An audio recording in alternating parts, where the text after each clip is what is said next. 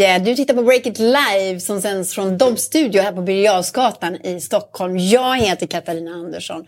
Och Break It Live det är alltså en satsning som vi på Break It gör tillsammans med Nordea och Almi Invest. Och vår förhoppning är att vi allihop, när vi har betat av den här halvtimmen, dryga halvtimmen, ska vara lite smartare, kunna någonting mer om det nya näringslivet. Det som Breakit bevakar varje dag. Och eh, eftersom det här är en livesändning så kom ihåg att du kan vara med och kommentera. Du kan ställa frågor till vår gäst, till våra reportrar och det kan du göra på sajten på Breakit Site eller på vår Facebook-sida där sändningen också rullar. Och nu mina vänner så går vi till veckans ämnen. Techdrottning Kristina Stenbeck släpper taget om familjebolaget Kinnevik. Vad betyder det? Och så, sjuka katter, en ny kassako bland investerare. Det blir rusning till nätveterinärerna och det ska vi prata mer om. Och sist men inte minst, CBD-oljan förbjöds i Sverige. Nu fightas Mantle mot Läkemedelsverket för att få sälja sin omstridda produkt. Hur går det? Där har ni våra rubriker idag. Och hej och välkommen säger jag nu till Stefan Lundell som är Breakers grundare. Du brukar ju sitta här med mig och eh, snacka nyheter. Men allra mest välkommen, ursäkta mig Stefan, skulle jag vilja säga till Josefin Langgård.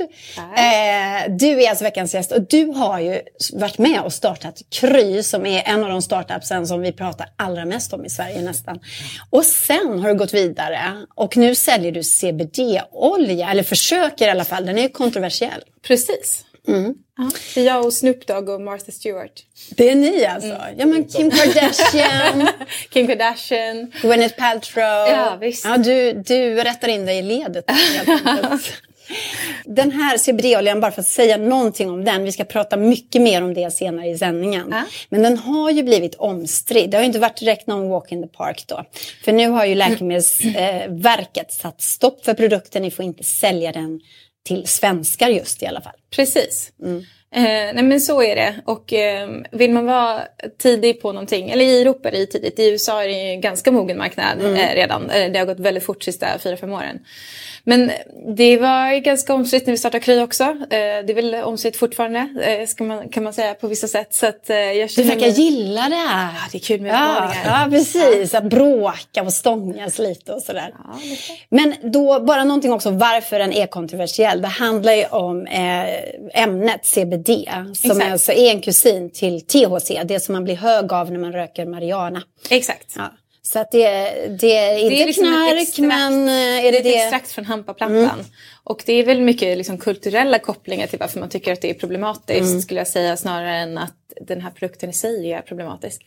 Och substansen är laglig utan det är all marknadsföring det är inte. Det är det som är det kluriga. Ja, om det är där du har trampat snett, det ska vi snacka mer om lite ja. senare då. Mm. Hörni, vi går vidare. För nu är det din tur Stefan. Du får börja äntligen. Du fick sitta tyst alldeles för länge, eller Kristina Stenbecks maktbolag Kinnevik har ju kommit med en rapport nu på morgonen och den har ju du satt tänderna i. Mm. Mm, alltid lika hetsigt nyfiken. Precis. Så, eh, så vad sa den här rapporten från Kinnevik då? Ja, för att göra en liten teaser kan vi säga frågan, frågan om det är Kristina Stenbecks maktbolag eller om det är något annat maktbolag. Men det ska vi prata mer om sen. Men mm. eh, fokus nu, eh, för jag var sugen på rapporten, att eh, de har ju gått som tåget på börsen, Kinnevik. Påeldade då utav Zalando, e-handelsbolaget, som i sin tur varit påeldade, om man får säga, av eh, eh covid epidemin då. Mm. Som att vi För Zalando är näthandlaren skor. Absolut, modehandlare. Man kan köpa allt möjligt där. Eh, och de eh, kom ju med en eh, omvänd vinstvarning som heter förra veckan. Vilket innebär att de ska gå eh, ännu bättre än vad man har räknat med. Så det var spännande att se hur det går för Kinnevik. Eh, hur går det då? Ja men det går jättebra. Eh, så det var intressant, men det visste man redan innan. Men frågan var ju liksom, vad ska man göra? De har ju köpt, sålt en del från Zalando och fått in ett par miljarder. Och har fått in pengar från annat håll också. Så nu har de en kassa på ungefär, eh, de har en kassa på 4 miljarder. Om de belånar sin eh, balansräkning så kan de kanske shoppa nya bolag för 5-10 miljarder kanske. Mm. Så det var jag väldigt intresserad av att höra på om, om vdn där skulle flagga någonting om vad de ska göra eller inte göra med de här pengarna. Nu sa han inte så mycket i sitt conference call som det heter utan jag fick själv då spekulera i vad han skulle göra. Ja, det är den andra allra roligaste. Ja. Just det, va? Visst är det det. Och ska jag vara helt ärlig så hade jag nog kanske inte tänkt att han skulle komma. Eller det visste man i och för sig, de skulle kunna komma till någon nyhet där, men det gjorde de inte. Eh, Så jag, jag eh, roade mig nu på förmiddagen med att ta fram en lista på bolag som man eh, skulle, borde kunna köpa då. VDn, som är fa- fast det är sjukt, jag kommer aldrig på hans namn. Det här är gratis, gratis rådgivning då till Kinnevik. Ja, och sen om jag då kunde hans namn då skulle jag kunna säga vad han heter då. Men. Kinnevik... Ja, underbart. Det står här också. Georgi Ganev, ja precis. Han ger lite tips. Ja, då har vi ett bra, vilken, det här är, det är power där. Ja, nej, men så jag liksom gjorde en lista på, eh, på vilka bolag som, eh, som jag tycker att, eh, att de ska köpa. Och de har ju köpt då eh, ganska mycket, varit ganska aktiva utanför Norden. Man har sagt att de ska göra mer, vara mer aktiva i Norden. Eh, det senaste stora företaget de gjorde var Mathem för typ 10-15 månader sedan. Eh, men nu tycker jag att det är dags att shoppa loss även i, i Sverige. Och då, eh, som av en händelse, så placerar jag faktiskt Kry på listan där som eh, Josefin har varit med och grundat. Så de tycker att de, nu vet jag att de gjorde en nyemission för bara några månader sedan, men eh, de expanderar ju starkt. Jag tror att, eh, och de jag pratar med, eh, pratar med Per Jörgen Persson som är en av de mest framgångsrika investerarna, jag pratade med för två dagar sedan och han sa att han sparkar sig på smalnyhet varje dag för att han varje gång han tänkt på Kry att de inte gått in och har möjlighet att gå in i Kry. Men du tycker att Kinnevik ska satsa i Kry. Vad tänker du om Stefans bett där? Ja men bra. De har ju gått in i Babylon. De har ju bettat liksom på en annan häst. Mm.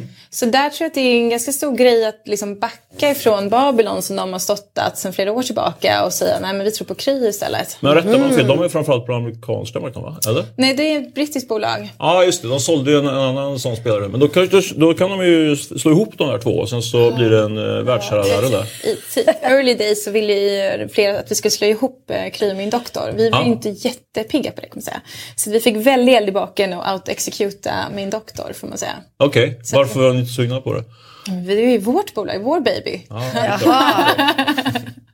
Nej men annars bra spaning. Det, verkar, det känns som att det går som tåget alltså. Mm. Nej, men är Men Kry är nummer ett på din lista som Ja. Kinnevik borde investera i. Nästa Så då? är det lika bra att du bränner av det. Jag skulle säga Kry och eh, det jag kommer säga nu är var väl de svagaste korten på min lista. Så vi bränner dem snabbt då. För Tink tycker jag också. Men det är Mm. kanske lite för sent att de ska komma in där. Alltså det tåget har gått lite grann.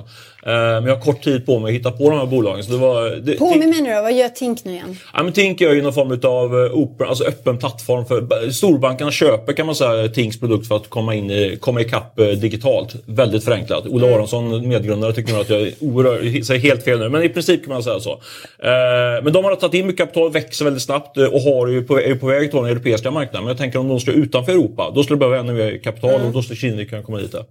Men det som ligger kanske närmast till hands som jag faktiskt får, har lite, lite bakgrundssam, via bakgrundssamtal sett att det finns kanske ett intresse. Det är Matsmart. Känner du till dem? De är ju kul produkt, eller kul tjänst. De samlar in eh, eh, varor som håller på att bli gamla och säljer dem på nätet helt enkelt. De Men det är lite karma över det då, eller? Ja, fast, Fast det är fast mycket inte- bättre skulle jag säga om jag får lite taskig mot karma. Alltså det, det, det, ja, men du vet, det är över, så- uh, mjöl, inte mjölk kanske, men uh, Paolo Robertos produkter som höll på att gå ut liksom, till exempel. Det säljer de iväg på nätet. Går jättebra. eh, och de har gått in i Tyskland och vad jag förstår så går det, är de nästan lika stora i Tyskland nu som de är i, i Sverige.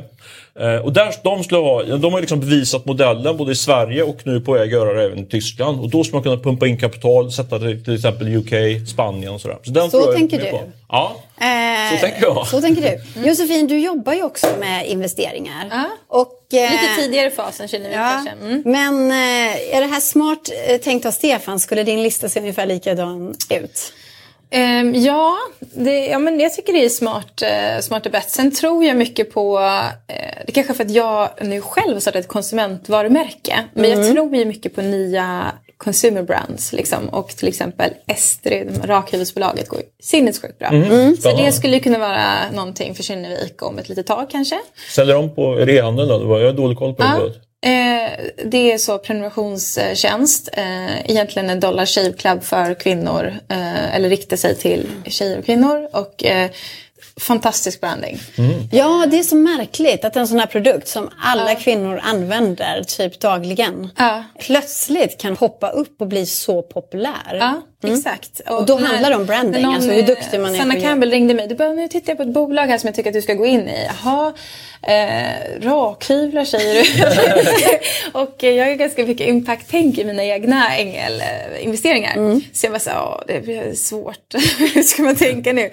Men sen Missar är det du investeringen? Nej, det gjorde jag inte. Nej. För jag träffade dem och bara, de är ju magiska, teamet. Jaha. Ja. Så det är all, alltid teamet tycker jag och inte så mycket vad man egentligen gör. Eh, men det är en sån här som går väldigt bra. Och eh, vi kallar Mantle för Estrids eh, stora syster i, för vi är lite äldre målgrupp också. Men jag tror ju mycket på att bygga nya starka varumärken och att det är jättespännande och att Europa ligger liksom efter USA. Så det är ganska smidigt, eller så här lätt på ett sätt. Man kan hitta koncept som funkar väldigt bra i USA och så gör de väldigt bra här.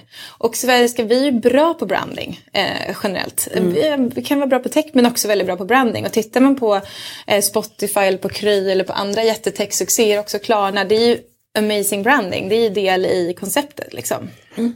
Ja, spännande Mm. att höra om det. Får jag bara backa tillbaka lite till Kinnevik och familjen Stenbeck? För jag vet Stefan att du är, du är nästan besatt av familjen Stenbeck, eller hur? Jo, men det har blivit lite bättre med åren faktiskt. Men eh, jag minns när jag, när jag gifte mig så stod det vad min högsta dröm var. Det var att göra en intervju med man blev intervjuad i sådana här bröllopsblad. Då. Det var min högsta dröm det var att göra en intervju med Jan Stenbeck. Han har dött tyvärr innan jag fick den möjligheten. Men Kristina Stenbeck har jag haft en del kontakt med. Och, eh, ja, men det är spä- otroligt story kring, eh, kring hela familjen Stenbeck måste jag säga. De är ju liksom, eh, Jan Stenbeck var ju en skulle jag säga, århundradets entreprenör. Jag tror han det faktiskt till det också. Eh, och tog liksom en ganska trött gammal skogskoncern till eh, och, och slog sönder flera monopol i Sverige. Eh, telefoni, eh, media, tv till exempel. Och sen kommer eh, Kristina Stenbeck in som 23-åring efter att Stenbeck dör liksom eh, knallfall. Eh, Väldigt jobbigt att ta över den här mäktiga pappans mantel. Och hennes mamma dog bara, par- jag tror ett halvår eller ett år senare också. Så det var liksom extremt eh, på. Jag har funderat rätt mycket liksom, rent eh, för henne personligen. Hon har ju aldrig gjort några sådana intervjuer där hon pratade om det. Men det måste ju liksom varit oerhört tufft. Jag tror hon var 23 år när hon kom in. Och då ska man veta att det fanns ett gäng eh, riktiga tunga i ordets rätta bemärkelse. Pelle Törnberg, du vet riktigt stora maffiga gubbar också. Eh, som var liksom eh, Stenbecks pojkar kan man säga. Eh, så många trodde ju liksom att det här, nu kommer de bara köra över Kristina Stenbeck. Men hon gjorde ju så att hon tog in eh, P.G. Ylhammar faktiskt. Helt otippat. För ingen, ingen aning. Vad, vad, Som mentor då alltså? Nej, som ordförande faktiskt i början i Kinnevik då. Eh, och sen så eh, ska man säga, knåpade hon om eh, Kinnevik och eh, som jag förstår det så var det Kristina som gjorde bettet på Zalando som blivit helt fantastiskt. Eh, liksom. det, Josefin nickar där, hon Ja, vet allt. Precis. Jag tror det. Ja. För, eh, Kristina har ju eh, investerat i, i ditt nya bolag Mental. Ja. Hur fick du henne att gå med på det? Eh, men jag har träffat Kristina lite i några sammanhang, bland annat där vi har gjort gemensamma ängelinvesteringar.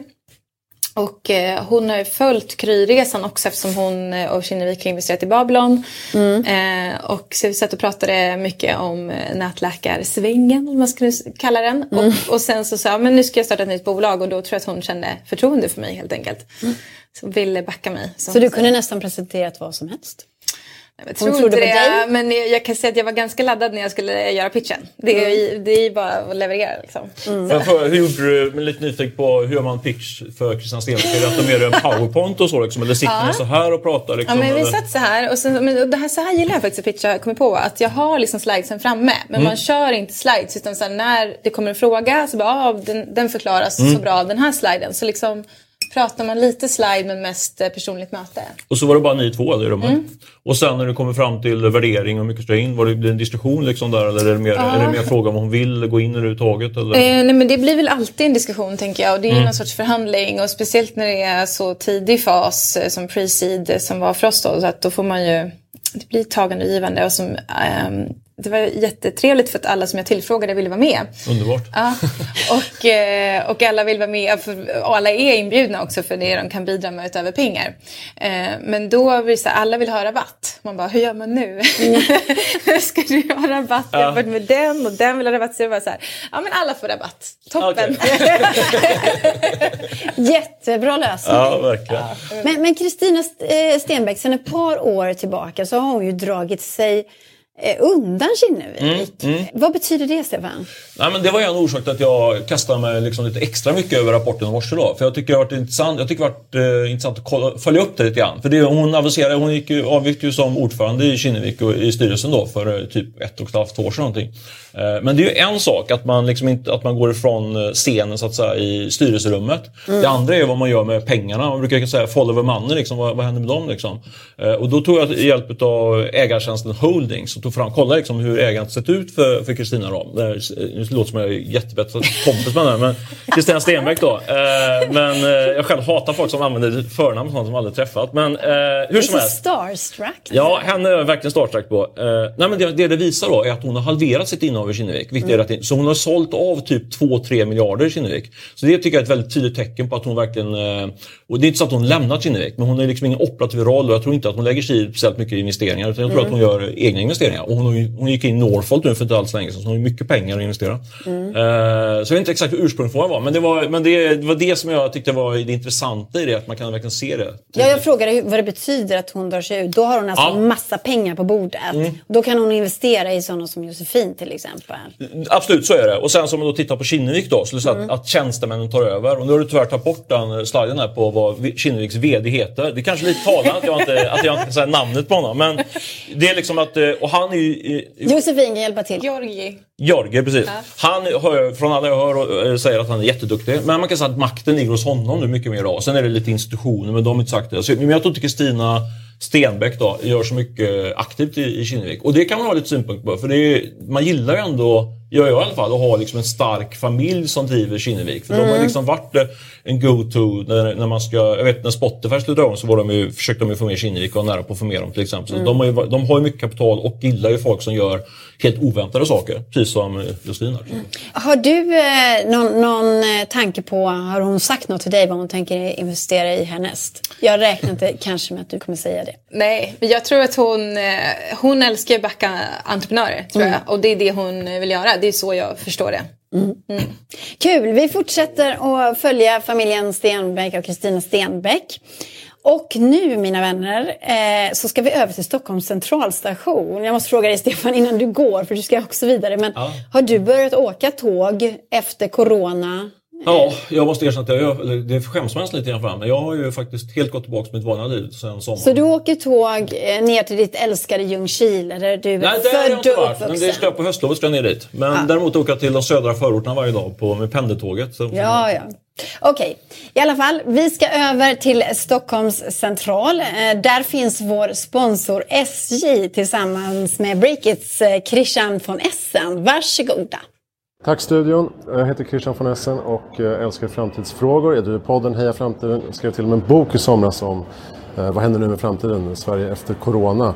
Och en viktig spaning är just att vårt sätt att arbeta och resa förändras drastiskt. Affärsresorna har förstås sjunkit jättemycket under coronaåret. Jag står här med Daniel Lerner som är affärsresansvarig på SJ, stolt sponsor av Breakit Live. Um, vad, hur ser vi på återhämtningen under hösten och vad, vad säger de kunder ni pratar med? Eh, ja, men resandet generellt, om man börjar med det, så har det ökat sedan i somras. Eh, och nu de sista veckorna kan vi se en viss återhämtning på affärsresor.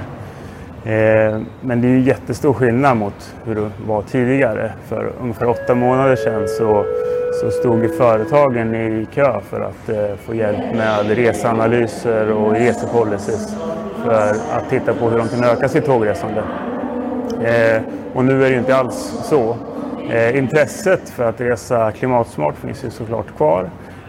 Men företagen följer ju Folkhälsomyndighetens rekommendation om hemarbete Eh, och har ju som inriktning att de resor som man gör ska vara affärskritiska. Och för att resa nu så är det här med att man upplever det tryggt eh, väldigt viktigt. Eh, när vi har frågat våra kunder så svarar tre av fyra att man upplever det tryggt att resa ombord. Och det är framförallt att det finns möjlighet att hålla avstånd till andra som är viktigt. Och där var vi snabba att spärra bort eh, delar av vårt utbud just för att ge den möjligheten. Sen hur, hur det här att vi nu har vant oss att mötas digitalt kommer påverka resan totalt är ju svårt att eh, säga om. Men, eh, men jag hoppas ju såklart att vi kommer fortsätta träffas. Eh, Sverige är en kunskapsdriven ekonomi och eh, Eh, det kräver fysiska möten för att hålla igång kreativitet och eh, nätverkande. Bra. Tack snälla Daniel Lerner från SJ, eh, stolt sponsor av Break It Live. Jag heter Christian von Essen, tillbaka till studion. Tack så mycket för det Christian och tack SJ för att ni sponsrar vår sändning Break It Live. Och nu så ska det handla om djur och inte vilka djur som helst utan gulliga mysiga husdjur. För corona har ju gjort så att husdjuren är mer poppis än någonsin. Folk som har tröttnat på att sitta hemma isolerade, jobba hemma, inte träffa släkten och vänner lika ofta. De skaffar sig en coronahund eller coronakatt. Det där har vi ju läst rapporter om. Och Tove Boström, hej och välkommen. Du har bytt ut Stefan här i studion. Ja. Du jobbar just nu på en story med kopplingar till djur. Det handlar om nätveterinärer. Det stämmer. Mm, heta nätveterinärer, det ska vi få veta mycket mer om. Eh, men Josefin, har du skaffat en coronahund eller coronakatt? Ja, jag har ju skaffat en coronahund. Är det Fast han var liksom påtänkt, om man säger som Ja. djur också, redan innan corona. Men det blir ju väldigt svårt att få tag på en hund, apropå Det blev så? Ja, ja. ja. Eh, Alla uppfödare har typ Mm. slutat ha kontaktuppgifter för att de orkar inte bli så nerringda. Liksom. Det är helt fantastiskt. Vad blev det för hund? En lagotto. Vad är det för någonting? Det är en lite så här fluffig, eh, allergivänlig eh, sak. Mm. Men då kan ju du eh, säkert sticka in i den här spaningen också. För då har du säkert någon typ av erfarenhet av veterinärer när du har ett djur. Men, men vi ska börja med dig Tove. Eh, först kom ju aktörer som Kry. Och, och plötsligt kunde vi människor då få vård på ett enkelt sätt i mobilen tack vare Josefin till exempel. Och nu kommer den andra vårdvågen. Vi kan prata om en vårdvåg för djur. Där eh, hussar och mattar och djur också kan få hjälp eh, via mobilen av en nätveterinär helt enkelt. Precis. Det är det här den, den här spaningen ska handla om. Alltså de nya spännande nätveterinärerna. En marknad som växer och sen så jättarna som vill ha sin del av kakan. Och techinvesterare som har fått upp vittringen också. En bra sammanfattning. Men vi tar från början då Tove. Absolut, det ska man alltid göra.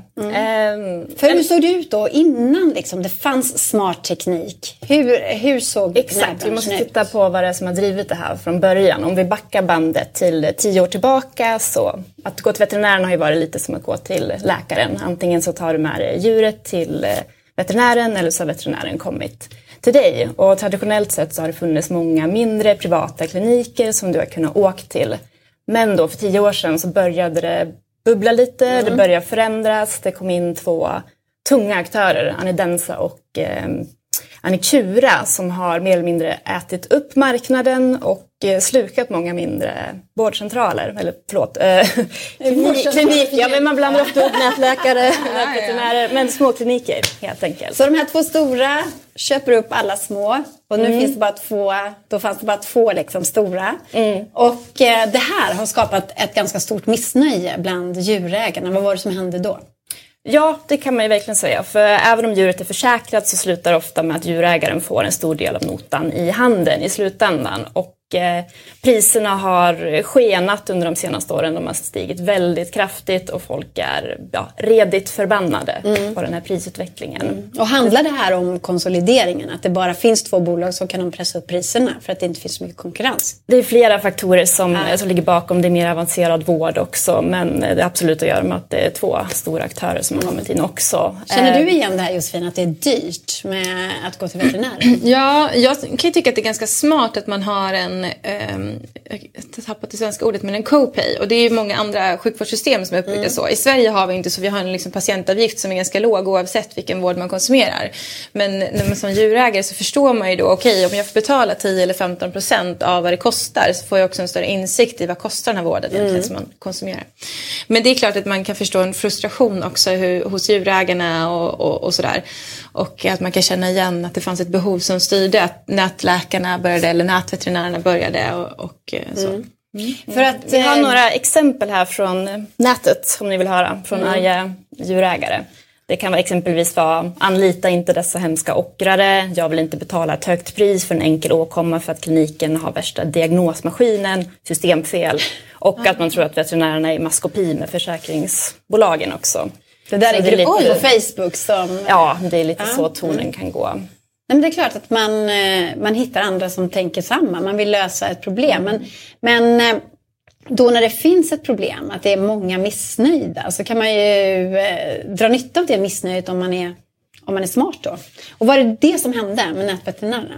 Precis. För några år sedan så kom Firstvet, den svenska startupen eh, ungefär fem år sedan. Och man kan beskriva dem som ett ja, men kry för, för djuren helt enkelt. Du sätter dig med katten eller hunden framför skärmen och så pratar du med din veterinär och får, får hjälp och råd. Och eh, de har växt ut supersnabbt, speciellt under corona när fler är hemma och fler köper djur. Eh, om man söker sig till eh, ja, lösningar på nätet istället. Men Josefin, du känner igen det här för att ni eh, på Kry, eh, som du var med och grundade, ni drog ju också nytta av ett m- missnöje kan man säga. Vil- Vad var det då? Problemet var väl mer där att det är svårt att komma till, som vi säger, eller så här, att få komma ens och få en tid på en vårdcentral var ju ett eh, problem. Även om det inte var så dyrt då så var det ju svårt att få komma dit överhuvudtaget. Eh, och eh, att öka tillgängligheten var egentligen grunden i det vi ville göra med Kry. Du pratade om First Vet här då som en ny nätveterinär. Finns det någon, någon mer på marknaden? Och är de verkligen billigare också? Det gör det. Jag ska bara inflika att First Vet har ju en kvarts miljard i ryggen också. Bland annat Creandum då som investerade i Kry backar First Vet också. Det är lite intressant att de satsar på Exakt, båda. och de har ju haft en ganska parallell, jag skulle säga- knappt säga att de kom efter, utan de har ju eh, startat ungefär samtidigt som oss tror jag. Mm. Och har gått superbra vad jag förstår. Verkligen. Och så finns det någon... Ja, konkurrenterna. Ja. Eh, jag nämnde de här stora jättarna. Eh, de traditionella de har såklart satsat på egna appar också som de har börjat utveckla efter att nätveterinärerna kom. Eh, men tittar vi just på startup så hade vi Vettem, eh, en annan veterinär startup som bland annat backades av eh, Per Svärdson, då, Apotea-grundaren. Han är med överallt. Han är överallt, precis. Men Vettem finns inte längre, åtminstone inte i den formen. För Agria, försäkringsbolaget, har köpt upp dem för att utveckla en egen app med den tekniken. Men varför köper ett försäkringsbolag en nätveterinär? Jo, för att när du går till eh, veterinären med ditt djur så hamnar den notan hos försäkringsbolagen. Och när priserna ökar så ökar premierna och eh, ja, Agria ser sina marginaler krympa. De vill såklart också eh, tjäna pengar. Så eh, det de började med att göra då var att samarbeta med nätveterinärerna för då kan deras kunder få snabb, lätt, tillgänglig hjälp till ett lägre pris än det fysiska besöket. Men nu när intresset för nätveterinärerna har ökat så ökar ju också utgifterna för det här. Så då är det ganska smart att plocka in det Just under egen flagg så att säga. Men det här med att det då blir för dyrt för eh, försäkringsbolaget, det, det är väl också en parallell till Kry kan man säga. Det blir inte för dyrt för försäkringsbolagen men det blev för dyrt för skattebetalarna tyckte, tyckte staten. Att, eh, att Kry då fick ju till en början kritik för att ta de här billiga eller enkla läkarbesöken och kanske också ta för många läkarbesök. Och det var också kritik om att ni gjorde dum reklam, att, att man skulle ringa doktorn för, att- för att man var förkyld och sådär. Där fick ni också eh, kritik. Men jag tänkte så här, fanns det någonsin något bolag då, till exempel staten eller någon stor vårdkedja som, som knackade på dörren och sa vi vill köpa er, Kry? Ja, det kan ju ha varit så. Åh, vi släppa nu, det är så länge sedan.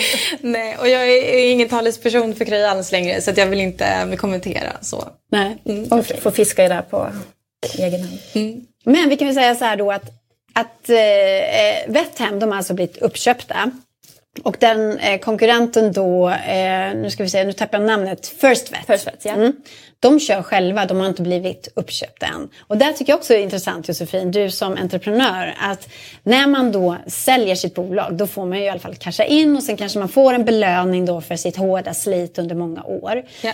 Eh, eller så gör man som First Vet och, eh, kan, och säljer inte. Eller jag vet inte om de har fått något erbjudande. Men just nu kör de själva i alla fall. Vilken, vilken stol vill du sitta i? Vill du sitta i den stolen där du blir uppköpt eller den som kör vidare? Nej, men man vill nog vara den som kör vidare, eh, absolut. Eh, Och då kan man ju realisera liksom hela sin dröm och sin idé. Och det tycker jag är den största grejen som entreprenör är ju att få bygga sin baby tills, tills den är gigantisk. Liksom. Flyger i boet? Ja, men det är klart att man kan av olika anledningar att man kanske har eh, av personliga skäl inte vill driva längre eller att man behöver, vill ha ut pengarna eller eh, av någon annan anledning så kan man ju välja en annan, eh, eh, en exit i olika former. Liksom. Mm. Men eh, det är också, brukar ju vara så här i riskkapitalsvängen och startups att den som är market leader får en jättestor premium på hur mycket det bolaget är värt och den som är de andra blir inte värda lika mycket.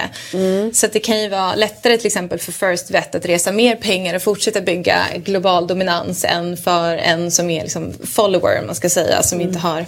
Då kan det ju vara smart att, att få en industriell köpare istället. Mm. Men hur går det för First Vet? Precis, vi har ju mest snackat om den, den svenska marknaden. Ja. De har ju super ja, stora planer. De ska bli ja, ledande i, globalt liksom och de satsar stort i USA, de är ute i Europa och ja, de har stora, stora ambitioner verkligen. Mm, det där måste vi följa tror jag.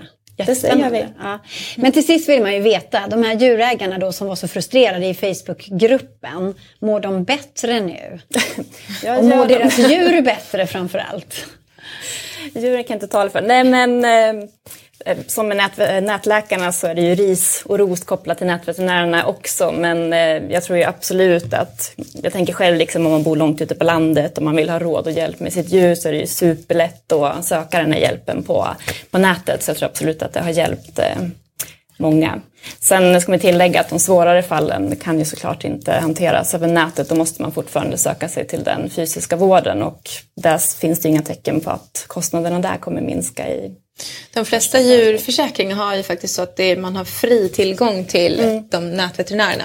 Mm. Eh, och, så, och, det gör man ju säkert för de är ju så duktiga på att räkna på allting att man ser att men det här, även om det kostar oss ganska mycket med nätveterinärräkningen så är det ändå bättre att man, än att man kommer in till kliniken mm. ofta. Mm. Så du har behövt gå till doktorn eller veterinären med din hund lite grann? Ja, sprutor och sånt kanske? Ja, lite sprutor har jag gjort. Det tyckte jag var väldigt smidigt. Kan inte klaga på någonting. Men eh, han, var, han är förkyld. Jag visste mm. inte det. Corona? Han hostar och är snorig. Mm. Kan vara corona. Min granne frågade det igår men sa att det skulle vara lite liksom osannolikt för att ingen annan är sjuk i familjen. Bara det var ju snack om att du skulle ta med honom hit. Det var ju tur att han inte ah. kom. Nej, exakt. Det går ju inte när han är sjuk. Nej. Okej, okay. tack så väldigt mycket Tove för den spaningen. Och du har ju också en long read som ska publiceras på eh, Breakit Site om just det här ämnet. Den tycker jag att man ska läsa. Precis, det här var den korta versionen. Det kommer en mm, längre mm. imorgon. Mm. Och eh, till dig som just har kommit in i sändningen så vill jag säga att det går bra att vara med och ställa frågor. För strax så kommer en eh, extra intervju här med Josefin. Vi har ju pratat med dig under sändningen. Men det blir mer snack med Josefin Langgård som var med och startade Kry och nu kör ett bolag som gör CBD-olja. Den här kontroversiella oljan som, eh, som inte får säljas i Sverige längre. Josefin, du har fått käppar i hjulen där. Då. Mm. Det ska vi prata mer om. Men nu så ska vi gå vidare till Breakits egen VD Camilla Björkman och vår sponsor Cool Company. Och de är på plats eh, här bredvid i en annan studio. Tack så mycket Kat och studion och jag står här med Matilda Konkell som är kommunikationschef på Cool Company. Hej! Hej! Berätta för de som inte känner till Cool Company, vad gör ni? Vi är ett egenanställningsföretag eh, som möjliggör för människor, till exempel frilansare och konsulter, att kunna fakturera utan att behöva starta eget företag. Och vi kommer ju få träffa dig nu i några avsnitt för att prata om det nya arbetslivet. För det är ju inte bara branscher som ritas om som vi har fått höra här med, med eh, nätveterinärerna och Kry som har förvandlat hela vårdsektorn. Utan det är ju även hur vi jobbar, eller hur? Ja, verkligen och framförallt var vi jobbar. Eh, nu med Corona när vi började jobba hemma och det blev ganska tydligt för alla att det faktiskt funkar att inte jobba på ett kontor så börjar geografi spela allt mindre roll. Just det, och även så hur man jobbar med konsulter och frilansare, egenföretagare och det är det ni är grymma på. Absolut, det här är ju frilansarna och konsulterna gått i bräschen länge men att det kommer bli mer och mer accepterat nu. Mm. Eh, och ni har precis släppt en rapport om det här, Frilansrapporten 2020. Berätta, vad, vad kom ni fram till? Ja, men massor, men något av det mest intressanta och som var väldigt kul att, att se var att så många som varannan svensk är positivt inställd till frilans som arbetsform. Och av dem så säger 40% som idag har en anställning att jag kan gärna tänka mig att frilansa i framtiden. Mm. Om man ser sig på andra sidan då, vi som driver företag och leder företag, eh, har vår inställning ändrats till att ta hjälp av frilansare och konsulter? Mm, jag tror att tröskeln börjar sänkas, kommer nog göra allt mer eh, när man nu efter corona, när det nu vill börja rulla igång maskineriet igen, kanske inte redo att börja anställa på nytt men ta hjälp av frilansare för att få igång det. Just det. Eh, det. Jag kan verkligen känna igen det. Jag har ju tagit hjälp nu av konsulter på Breakit just för att inte hamna i, ja, men hamna i det här med att man, man startar, skapar en anställning och sen behöver man avsluta den på grund av att vi, vi vet inte riktigt vad, mm. vad världen är på väg. Och det har ju varit väldigt flexibelt. Visst, och flexibilitet är hela nyckeln här. Det är ju så den här gruppen människor vill jobba och det kan också vara väldigt positivt för arbetsgivaren. Just det. Eh, en nackdel dock, om jag ska vara lite så här djävulsadvokat, det är väl det här att man ibland känner att jag bygger en organisation som inte är för alltid. Mm. Eh, förstår du hur jag menar? Ja, men jag förstår. Och så kan det ju absolut vara med frilansare och konsulter men så är det också med morgondagens arbetstagare. Mm. De vill inte jobba 9 till 5 och en guldklocka efter lång och trogen tjänst utan man vill ha frihet, flexibilitet, eh, man vill testa nytt och också hinna med sitt liv. Mm. Då tror jag snarare att företagen måste anpassa sina verktyg eh, för att möta den här gruppen. Där tror jag till exempel att vi kommer att prata jättemycket om onboarding i framtiden. Mm, just det. Spännande! Eh, ser fram emot att träffa, mer, eh, träffa dig mer och höra mer om det här. Eh, tack så mycket Matilda och tack Cool Company för att ni backar Break It Live tillbaka till studion. Tack så mycket för det Camilla och tack så mycket till vår sponsor Cool Company. Och du som tittar här på Break It Live, du som just har kommit in i sändningen, glöm inte att du kan vara med och ställa frågor för nu kommer jag alldeles strax vända mig tillbaka till vår gäst Josefin eh, Langgård, Kry-grundare som också driver bolaget Mental. Ni säljer alltså CBD-olja mm. och det här preparatet är ju eh, hypat över hela världen. Ja. Det är alltså Gwyneth Paltrow, det är Kim Kardashian som säljer det. Vad är det, vad är det fler för kändisar ja, som älskar det här? Oj! Ja, Martha Stewart. Så de är stora och då tycker jag så här, för det här, Mellan Martha Stewart och Snoop Dogg, det är ju inte riktigt samma profil. Nej. Spännande. Men Martha har också då, hennes ja. kunder så, som gillar liksom att påta i trädgården och baka, baka i köket och, och sådär. Ja. De ska också ha det här alltså, också ha på kakorna. Mm. Men det som är kontroversiellt med den här produkten det mm. är ju här i Sverige i alla fall, att CBD är ett ämne som är släkt med THC. Kusin har jag, tror att du, du själv har sagt. Uh. Och THC är ju ämnet i, eh, i cannabis som du blir hög av. Exakt. Eh, och då blir man alltså inte hög av CBD. Mm. Exakt. Men varför så man kan man säga att eh, Mariana eller weed har ju använts i rekreationella sammanhang mm. sedan många tusen år säkert. Jag har inte koll på exakt hur länge.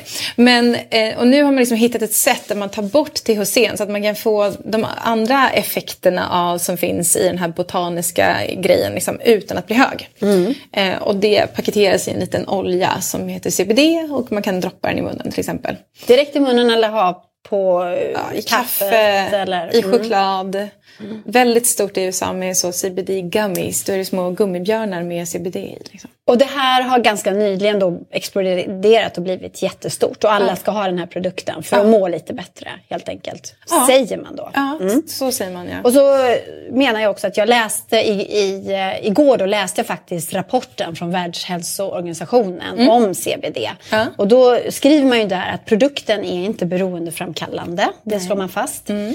Och sen slår man fast att allra bäst är den till, eh, till barn, till små barn som, som lider av olika krampsjukdomar. Epilepsi till exempel. Precis. Ja, det finns ju ett läkemedel som är godkänt i Sverige som är just för, för epilepsi, både för mm. vuxna och barn, där det är väldigt effektivt. Som innehåller CBD. Ja, som... Och sen skrev de också att det, det fanns också vissa studier som pekar på att det kan hjälpa för stress, att det kan hjälpa för insomnia och så vidare. Mm. Men det här är ju inga så här superstora bevis. Det måste vi bara ha med oss i, i botten för att det här är en fantastisk produkt som, som då ska hjälpa dig med, med vissa sjukdomar eller sådär. Ja, och det är ju viktigt att veta att det är inte en produkt som ska hjälpa en med sjukdomar. Den produkten som vi har sålt, det är liksom som en eh, wellness, alltså vi vill bygga mm. ett wellnessbolag och använda CBD i botten på våra produkter för att det är en spännande ingrediens. Och jag skulle säga att det finns ju andra, andra saker som vi tycker är bra som är aloe vera och calendula och andra naturliga produkter. Mm. Mm. Så jag ser det här mer som en naturlig produkt som man kan använda som har hälsofrämjande egenskaper. Liksom. Men ni kör igång där. Mm. Eh, ni gjorde en snygg sajt, snygg mm. branding. Ja, tack. Eh, och eh, gjorde en podd också om det här. Ja. Eh, och sen så tog det tvärstopp. För då plötsligt kom Läkemedelsverket och säger stopp och belägg, ni får inte sälja den här produkten. Mm. Det var ett förbud som riktade sig både till er på mm. Mental och till er konkurrent. Kan du berätta, ta mig igenom det. Vad var det som hände då? Exakt. Så det var inte, vi lanserade i februari 2020 eh, och gjorde liksom så lite smygstart. Eh, och sen kom corona och smällde ner. Liksom, så det blev ju lite ändrade planer för alla influencer-event och pop-up stores mm. och andra saker. Och så hade vi lite hämtat oss och kom igång och april var ganska bra, maj såg jättefint ut och sen så 10 juni kom det Ja, som ett brev på posten kom det ett brev och sa att nu får vi inte sälja mer. Men det kom ett brev på posten? Ja, Mm. Så det var ju inte så kul. Var det du som sprättade upp det där brevet? Ja. Och hur reagerade du då? Ja, men, eh, vi hade dessutom kick-off med hela teamet hemma hos mig. Oj. så att, eh, det blev lite annat fokus på kick-offen kan man ja. säga. Antiklimax. Liksom, ja. Pyspunka på kick-offen. För vad gör man då, då? För det här är ju som att dra undan mattan för hela ja, affären. Ja, men verkligen. Och sen det som har varit lite svårt tycker jag är hur man ska navigera i det här. För då har vi överklagat och så fanns det en möjlighet att vi kunde få börja sälja igen direkt efter överklagan. Och så mm. fick vi inte det och så blir det så här, vad ska man ta för nästa steg då? Men det som är bra är att vi får sälja vår produkt överallt förutom till människor med svensk adress. Mm. Jag var inne på hemsidan igår och tittade ah. och då såg jag att jag kan ju inte beställa en produkt till Sverige. Exakt. Till svenska exakt. Men alla är... andra länder i hela världen fanns ju där. Exakt. Mm. Är... Men eh, jag vill också bara säga någonting om Läkemedelsverkets beslut. Mm. De skriver ju mm. rakt ut i beslutet att ni skriver på er sajt att det är inget läkemedel eller påstår att det hjälper för några sjukdomar. Det är inte det ni påstår på sajten. Men att man ändå kan få intryck av det ja. eh, när man finns på sajten att det här är någon slags produkt som kan hjälpa till. Precis. Och, och man kan ju läsa om det precis överallt annars på nätet också. Mm. Men jag tyckte ändå att det var, det var ändå ett beslut som grundade sig i på något slags intryck då på er sajt. Eh, ja. Och sen var ni väl en av de mest aggressiva och stora aktörerna. För att så, det finns ju andra sajter som nej, fortfarande säljer det här. Det finns andra sajter som säljer. Mm. Och det tycker väl vi är lite orimligt då. För det, myndigheter har ju någonting som heter lik, eh, lika, likhetsprincipen. Och så här. De måste behandla alla aktörer lika. Eh, och faktiskt är det så en av våra investerare har ringt till Läkemedelsverket och sagt ja, jag skulle vilja köpa sån här mantelolja, vad det är som gäller. Och då har man sagt ja, det var ju i media om de där mantel hela tiden. Mm. Så de ville vi stoppa. Och det känns ju inte så kul. Så investeraren körde lite ballrafferi? Ja, ballrafferi, mm. absolut. Mm. Ja, men vad, vad, gör man? Man försöker ju ta sig fram här. Mm. Ja, nej, men så det är... Nu är inte Läkemedelsverket här, så nej. vi kan inte få svar på den frågan varför de riktar in sig just på er. Men jag tänker och jag ska så här... Säga så här, det kommer ju med det här att när vi startade så visste vi, okej, okay, vi, vi är tidiga i Sverige, Läkemedelsverket är inte positiva till det här, vi kommer förmodligen bli prövade. Och det, det får man ju ha med sig. Liksom. Ja, men Josefin, du visste om det alltså. Du hade det lite på känn någonstans. Man hoppades ju att det inte skulle bli. Ja. Men vilket ansvar tycker du att ett nybildat bolag som testar en helt ny konsumentprodukt i Sverige ändå har för lagar och regler? Ja, men självklart ska man inte göra någonting som bryter mot lagen. Och, och jag tycker faktiskt att det är lite roligt. Ganska ofta så får min vanligaste fråga när man berättar så ah, jag driver mantel, vi gör det här och det här. Jaha, är det lagligt? Och då tycker jag så, nej men jag driver en helt olaglig business. Det är min, min, min, nästa move liksom. Det, eh, så att självklart ska man hålla sig till lagar och regler. Och det som är lite spännande med det här med CBD är ju att det är en gråzon och att det inte är reglerat och det håller på att bli reglerat. Och det mm. säger Läkemedelsverket också att när EU är klara med, med sina regler då kommer man följa det. Mm. Så det här är någon sorts tidsperspektiv bara. Jag kan förstå verkligen att det känns orättvist när, när andra sajter kan sälja till Sverige precis mm. samma produkt. Mm. Men man siktar in sig på er då. Så, så vad gör ni nu? Alltså, mm. Vad är nästa steg? Ja, Sitter vi... ni bara och väntar på att EU ska klubba igenom att det är okej okay Ja, exakt. Det är ju väldigt populärt bland mina investerare om vi skulle säga att vi sitter och väntar. det är poppis. Nej, men vi tar fram andra produkter mm. som är okej. Eh, så det kan vi väl avslöja lite här att det kommer eh, hudvårdsprodukter med CBD eh, som vi ska släppa i november. Men menar du att de är okej? De är okej, för de går under kosmetiska lagstiftningar förlossningen och inte under kosttillskott. Oj, det är mycket mm. man måste lära sig när mycket. man håller på med Eller man måste betala en jurist mycket pengar. Det är typ så det funkar. Mm. Mm. Men det här med att stångas med lagar och regler och pusha gränser. Ja. Det gjorde ju du redan när du var med på Kryresan. Ja. Varför ger du dig in i saker som verkar så krångliga? Ja, men jag tänker att allt som är lätt är redan gjort ungefär. Mm. Och eh, jag tror Martin Lorentzon brukar säga att eh, ju fler utmaningar man har övervunnit desto högre värde på bolaget. Och lite så är det ju. att Alltså vi, jag vill bygga ett stort bolag och då gäller det att hitta en spännande idé, någonting som är nytt och, och har liksom tiden för sig. Eh, och nu som sagt så tycker jag det är väldigt roligt med att bygga varumärke. Tittar också på andra bolag som, som tänker så, bygga konsumentprodukt. Eh, och eh, känner mig väl lite bekväm med att det kanske inte är superlätt. Mm, mm. Men det, det är väl skönt att, att vara en person som kan vara i det obekväma och ändå Ja. komma vidare. Jag tror du blir det. inte knäckt av det. Nej. Nej. Nej. Du kanske till och med blir lite taggad av det. Ja, lite taggad tror Ja. jag. Ja. Nu har ni varit, eh, alltså ni har fått rubriker för att ni inte får sälja den här oljan just i Sverige. Mm.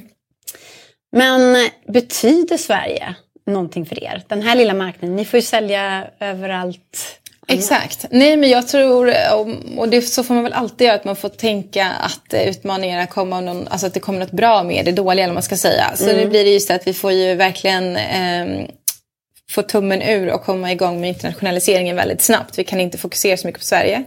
Och jag tror det här sammanhanget är jättebra för att Sverige är typ den omognaste marknaden i Europa på CBD. Så nu får vi ju fokusera på andra marknader och sen så kan man eh, bli större här sen så småningom när det här släpper. Liksom. Mm. Så våra grannar som Norge och Danmark, eh, Finland, där får man köpa den här oljan? Ja, eh, det, hela Skandinavien är liksom mer restriktivt än Centraleuropa, södra Europa och Storbritannien är väl det som går först. Och för oss är det lite spännande, apropå Brexit, det är svårt att säga positiva saker med det.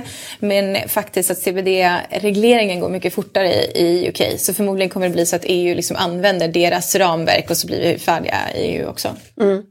Okej, vi håller ögonen på dig och eh, Mantle och ser vad som händer där. Du som tittar på det här programmet kan alltså kasta in frågor dels på våran sajt, dels på våran eh, Facebook-sida.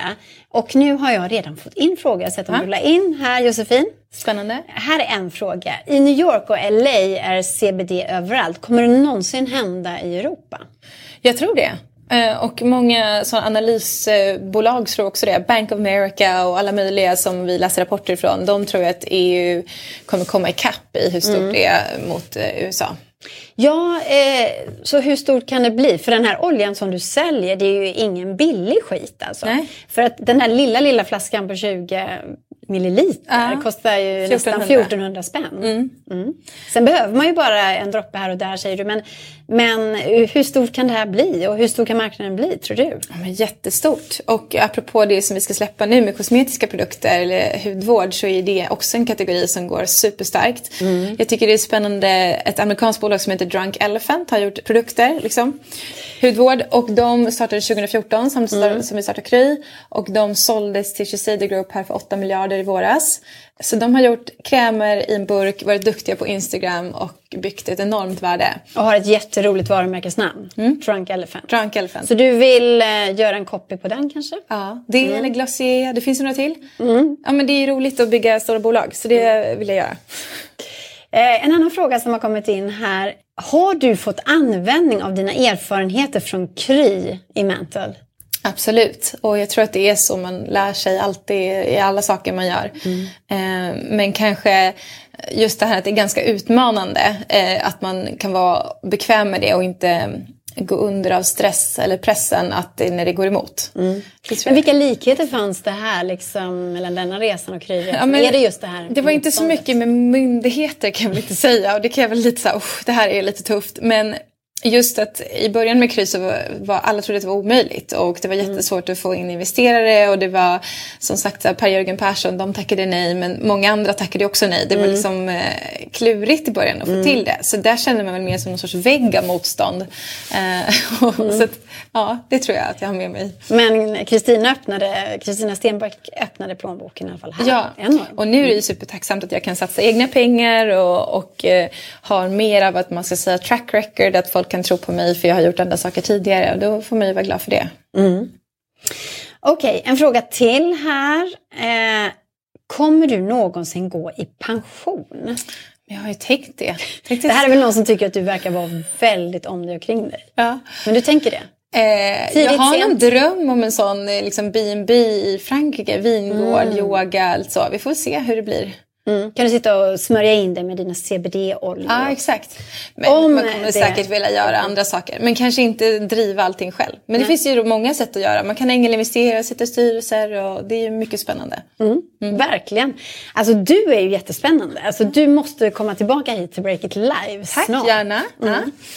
Och med det så sätter vi punkt för Break It Live den här veckan. Vi säger alltså tack till dig Josefin, supertack verkligen. Och vi säger tack till våra sponsorer Nordea och Almi Invest som gör det möjligt för oss att göra vår journalistik. Vi är jätteglada för det. Och tack också förstås till dig som tittar och om du vill så ses vi igen nästa torsdag 13.30 kör vi igång. Hej då!